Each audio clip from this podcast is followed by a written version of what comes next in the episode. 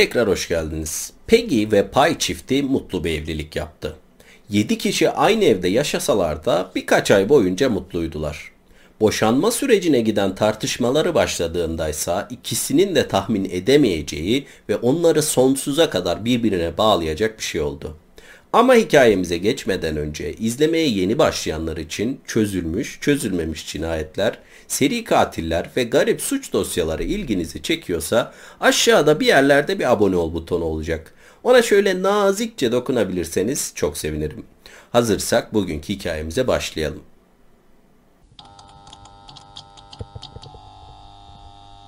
Peggy Carr'ın hayatı hiçbir zaman kolay olmadı. 1947'de küçük bir kasabada doğan Peggy'nin anne ve babası sağırdı ve neredeyse hiç paraları yoktu. Bu yüzden Peggy çok küçük yaşından itibaren çalışmak zorunda kaldı. Çalıştığı işler genellikle az ödeme yapan ve tehlikeli işlerdi. Issız kamyon duraklarındaki restoranlarda tek başına garsonluk yapmak gibi. Ama Peggy çalıştığı işin tehlikesine aldırış etmedi çünkü ailesine bakmak için paraya ihtiyacı vardı. Peggy çalışırken kendisinden faydalanmak isteyen fırsatçı insanları kendisinden uzak tutmak için suratsız ve sert bir tavır takınmayı seçti. Bu istemediği türde insanları kendisinden uzak tutmaya yardımcı olsa da aynı zamanda romantik olarak ilişki yaşamak isteyen insanlar için de büyük bir engeldi. Ama bir kişi bu sert tavrın arkasındaki kadına ulaşmayı başardı ve evlendiler. Üç çocuk doğuran Peggy'nin hayatı sonunda yoluna girmiş gibiydi. Ta ki 1980'lerin ortasında boşanana kadar. 40'lı yaşlarında 3 çocuğuyla birlikte yaşayan Peggy, geçimini sağlamak için garson olarak çalıştığı işine geri döndü. İş yerinde ve dışında insanlara karşı takındığı sert tavrı bir yana, evinde çocuklara takındığı tavrı bambaşkaydı. Peggy çok üzgündü. Çocukluğundan beri iyi bir hayat inşa etmek için çalışıyordu. Ama boşanmasıyla ve üç çocuğuna bakmak zorunda kalmasıyla birlikte faturalarını dahi ucu ucuna ödediği hayatına geri dönmüştü. Çocukları annelerinin üzgün olduğunun farkındaydı. Yeni biriyle tanışmasını ve tanıştığı yeni kişinin tekrar annelerinin yüzünü güldürmesini dilediler. Ve 1987'nin sonlarında bu dilekleri gerçek oldu. 1987 yılında Peggy Perry Allen Carr ile tanıştı. İsimlerin karışmaması adına eşine video boyunca Pay diyeceğim. Pay da Peggy gibi mutsuz evliliğini yeni bitirmişti ve iki çocuğu vardı. Tıpkı Peggy gibi kendisi de küçük yaşlarından itibaren çalışmak zorunda kalmıştı. Bir maden firmasında çalışan Pay da Peggy gibi iki çocuğuyla birlikte yaşıyordu.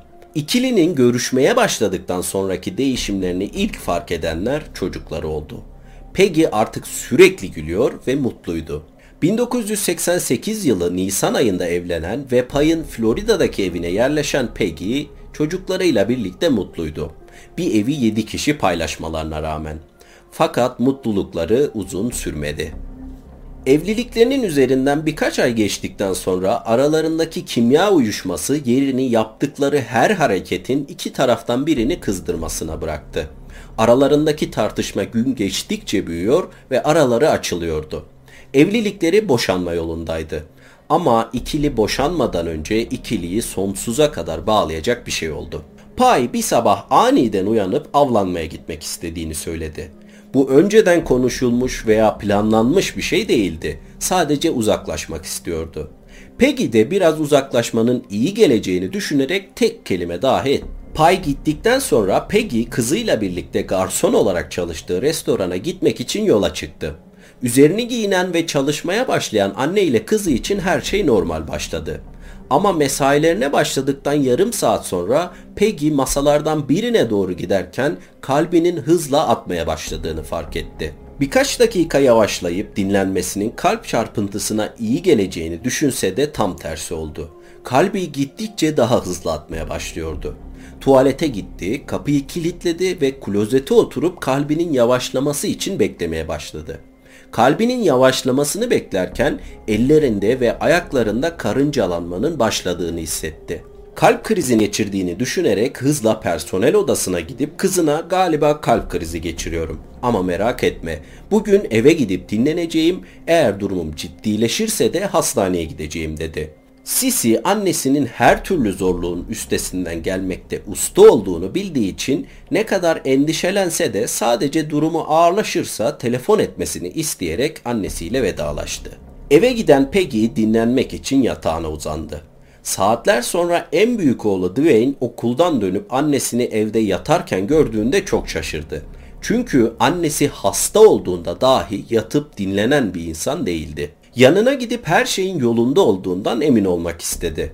Odaya girdiğinde arkası dönük olan annesini yoklayıp iyi olup olmadığını sordu. Peggy yüzünü Dwayne'e döndüğünde dişlerini sıkıyor ve acı içinde kıvranıyordu. Dwayne'e sanki birisinin damarlarından içeri ateş enjekte ettiğini söyledi. Aralarında hastaneye gitmeleri gerektiği konusunda geçen tartışma sürerken Pay avlanmak için gittiği gezisinden geri döndü. Annesini ilk defa bu halde gören Dwayne koşarak Pay'a haber verdi. Pay başta biraz üşütmüş olabileceğini söyleyip geçiştirmeye çalışsa da odaya girip Peggy'nin acı içinde kıvranan halini gördüğünde aralarındaki tüm tartışmaları bir kenara bırakıp Peggy'yi kucağına aldı ve hastaneye götürdü. Peggy hastanede gözlem altına alındığında acıdan konuşamıyor, sürekli kıvranıyordu. Oğlundan, kocasından veya kızından Peggy'ye ne olduğuna dair bilgi alamayan doktorlar kan ve zehir testleri yaptı. Yapılan tüm zehir testleri negatif çıkarken yapılan kan testlerinde de bir sorun bulunamadı. Peggy gözlem altına alındı ve 3 gün hastanede kaldıktan sonra tekrar eski gücünü toparlamış gibi gözüküyordu. Hala tamamen iyileşemese de ağrılar ve acılar hissetse de artık konuşabiliyor, yürüyebiliyor ve günlük işlerini kendi başına halledebilir hale gelmişti. Hastaneden taburcu olan Peggy iyileşmiş gibiydi sadece 24 saatliğine. Taburcu edildikten 24 saat sonra Peggy aynı dayanılmaz acıyı, kollarında ve ayaklarındaki yanmayı tekrar hissetmeye başladı. Hastaneye gitseler de doktorların hastalığına bir çare bulup kendisini iyileştiremeyeceğini biliyordu. Evde yatıp hastanede de olduğu gibi ağrılarının azalmayı beklemesini seçti. Ama ağrıları azalmak yerine gün geçtikçe dayanılmaz bir hal alıyordu. 30 Ekim günü Peggy'nin rahatsızlandığı ilk günden tam 10 gün sonra durumunun düzelmeyeceğini anlayan ailesi ambulansa haber verdi ve Peggy tekrar hastaneye kaldırıldı. Tekrar aynı testler yapılan Peggy'nin testleri yine temizdi. Peggy tekrar gözlem altına alındı. Ertesi gün Peggy'nin oğlu Dwayne ve Pay'in oğlu Travis de aynı şikayetlerle hastaneye geldi. Peggy ile aynı testlerden aynı sonuçları alan doktorların elinde tedavi için yapabilecekleri hiçbir şey yoktu. Dwayne ve Travis'in de aynı şikayetlerle aynı hastaneye gelmesi Peggy ile ilgilenen bir nöroloğa eğitim yıllarında gördüğü ve şikayetlerin birebir aynı olduğu bir durumu hatırlattı. Sadece bu durumda kullanılan özel bir test yapılmasını istedi ve şüphelerinde haklıydı. Üçünün de test sonucu pozitifti. Bu durum için bir tedavi olsa da Peggy için artık çok geçti. Tedaviye başlasalar bile vücudu tedaviye yanıt veremeden önce ölecekti. Doktorlar acı içinde kıvranan Peggy'nin odasına girip öleceği haberini vermek zorunda kaldı. Ve öleceği haberini verdikten kısa süre sonra komaya giren Peggy'nin 4 ay sonra 3 Mart 1989'da ailesi tarafından alınan kararla yaşam destek ünitesinin fişi çekildi. Aynı şikayetlerle hastaneye gelen ve tedavi altına alınan Dwayne 2 ay sonra tamamen iyileşse de 6 ay boyunca tedavi gören Travis yürüme yetisini tamamen kaybetti. Peggy'yi öldüren, Travis'i sakat bırakan şeyin ne olduğu bilinse de polisler iki soruya cevap bulamadı. Neden? Neden ve nasıl bu insanların başına gelmişti? Bu soru aylarca cevapsız kaldı. Nasıl mı ortaya çıktı? Gelin o kısma geçelim. 1946 yılında kurulan Mensa isimli topluluğa girmeniz için sadece bir şart var. Yüksek IQ. Yüksek IQ deyince aklımıza gelen 3 basamaklı IQ sizi yanıltmasın. Bu Mensa için sıradan sayılabilecek bir ölçü. Mensa'ya katılabilmeniz için bir IQ testi vermeniz ve verdiğiniz testte dünya nüfusunun sadece %2'si kadar akıllı olduğunuzu kanıtlamanız gerekli. Peggy ve Pay'ın öldürüldüğü kasabada Mensa isimli topluluğun bir buluşması vardı. Murder Weekend adını verdikleri bu buluşmadaki amaç mükemmel tasarlanmış bir cinayeti çözmekti. Yine Mensa üyeleri tarafından tasarlanan bu cinayetin çözülmesi için herkesin kendisine verilen rol üzerinden ilerlemesi gerekiyor. Cinayeti çözmek saatler de sürse tüm üyeler cinayet çözülene kadar kendi rolünde kalmak zorunda. Bu bilgiyi bir kenara bırakalım. Peggy öldükten birkaç hafta sonra 1989 Nisan ayında Sherry Guin isimli bir kadın Mensa'ya kabul edildi. 30'lu yaşlarında olan Sherry kendisine şiddet uygulayan kocasından Teksas'tan kaçmıştı ve bu küçük kasabaya yerleşmişti. Sherry'nin Mensa'ya katıldıktan sonra arkadaş edinmek istediği çok açıktı. Ama herkesle arkadaş olmak istemiyordu. Özellikle ilgilendiği iki kişi vardı. Bu iki kişi Diana Carr ve kocası George Trapple'dı. Diana çok başarılı bir ortopedi uzmanıydı ve kendi kliniği vardı. Kocası George ise sayısız başarı sertifikası bulunan bir bilgisayar programcısı. Ve şu tesadüfe bakın ki Diana ve George Peggy ve Pay'in yaşadığı evin hemen yanındaki evde oturuyordu. Sherry'nin topluluğa katıldığı aydaki Murder Weekend buluşmasında mükemmel cinayeti tasarlamakla sorumlu olan kişiler tahmin edebileceğiniz üzere George ve Diana'ydı. Ama kurbanın nasıl öldürüleceğini tasarlamakla sorumlu olan tek kişi vardı. O da George. Haftalarca üzerinde çalıştıkları mükemmel cinayet senaryosunu tamamladıktan sonra çift Mensa buluşmasında üyelerin cinayeti çözmek için ne yollara başvuracaklarını merakla beklemeye başladı. Ve sonunda bekledikleri büyük gün geldi.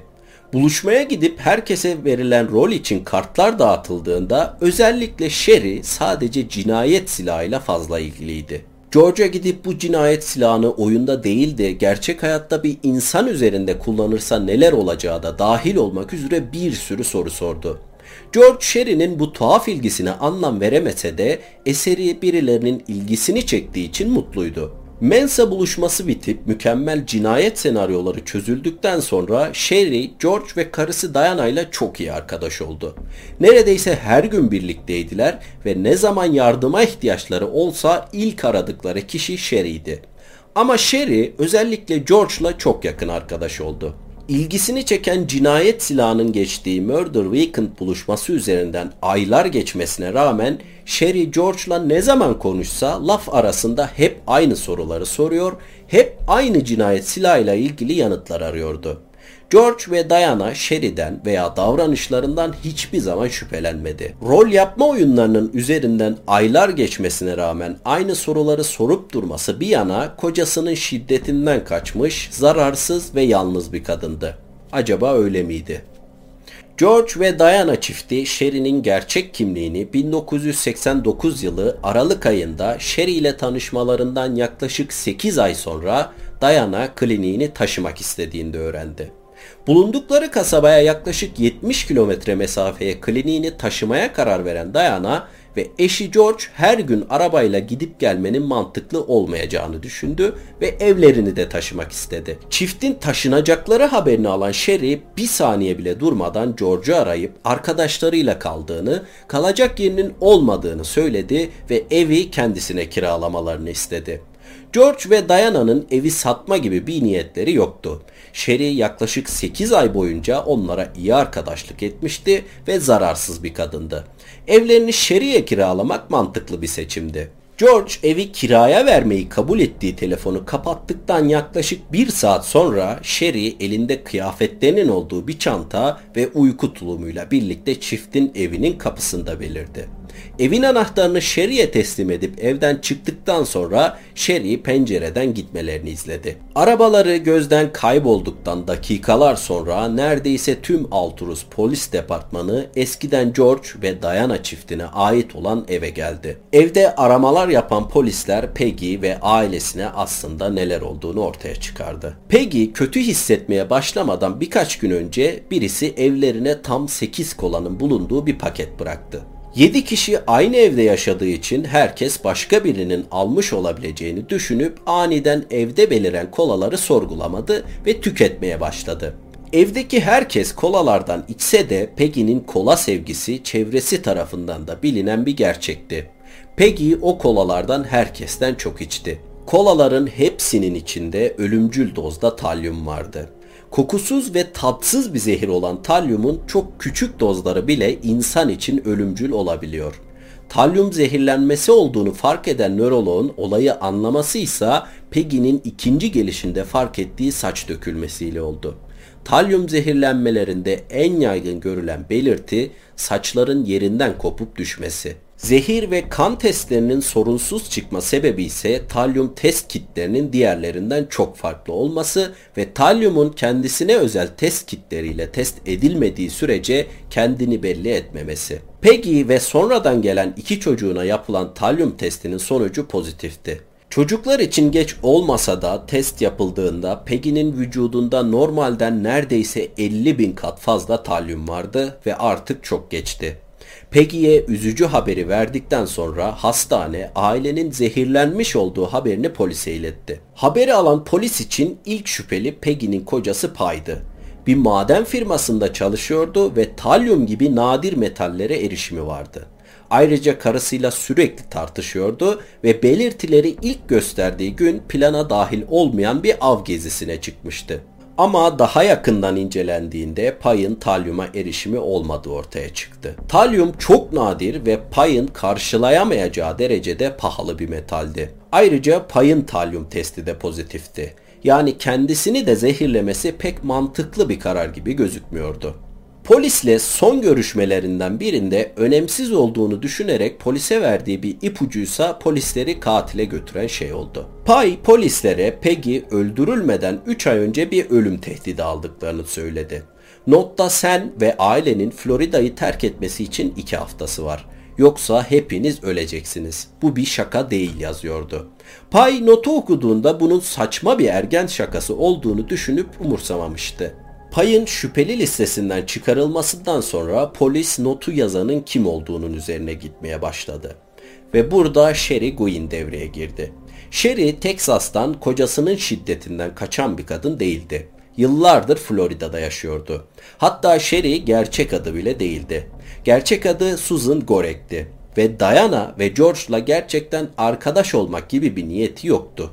Ölüm tehdidi mektubunu Diana ve George'un yazdığı anlaşıldıktan sonra olayı soruşturması için gönderilen bir dedektifti. Diana, Peggy ve Pay'dan nefret ediyordu. İşler fiziksel boyuta ulaşmasa da gürültü yaptıkları gerekçesiyle Peggy ve Pay ile seslerin yükseltildiği birkaç ciddi kavga etmişti. George bu kavgalara hiçbir zaman katılmasa da karısının komşularıyla sorununun olduğunu farkındaydı. Sorunu çözmek için önce tehdit mektubunu yazdı. Peggy ve Pay notu okuduktan sonra Florida'yı terk etmedi. Bu yüzden George B planını devreye soktu. 1970'li yıllarda federal hapse giren George'un suçu metanfetamin üretmekti ve metanfetamin üretmekte kullanılan maddelerden birisi de talyum. George talyumu 8 kola şişesine doldurduktan sonra evde birasını yaptığı için zaten evinde bulunan makinesiyle kapaklarını taktı ve komşularını izlemeye başladı. Evden çıktıklarını gördüğünde ise talyumla doldurulmuş kolaları evlerine girip mutfaklarına bıraktı. Sonraki birkaç günse Peggy'nin durumunun ağırlaşmasını, hastaneye gidip gelmesini, evlerine ambulans gelmesini penceresinden zevkle izledi. George hiçbir zaman aileyi zehirlediğini itiraf etmese de Susan'ı alarma geçiren bazı şeyler yapmıştı.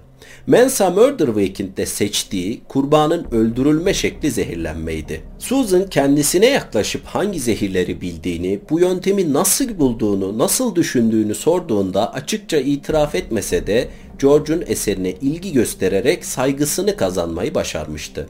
Evlerini kendisine kiralamaya ikna etme süreci ise George'la konuşurken sürekli itaatkar ve ilgili gözükmesiyle oldu. Diana ile evli olan George hiçbir zaman böyle bir ilgi görmemişti. Çünkü karısı çok dominant ve dediğim dedik bir kadındı. Susan'dan gördüğü ilgiyle birlikte övgüler de çok hoşuna gidiyordu.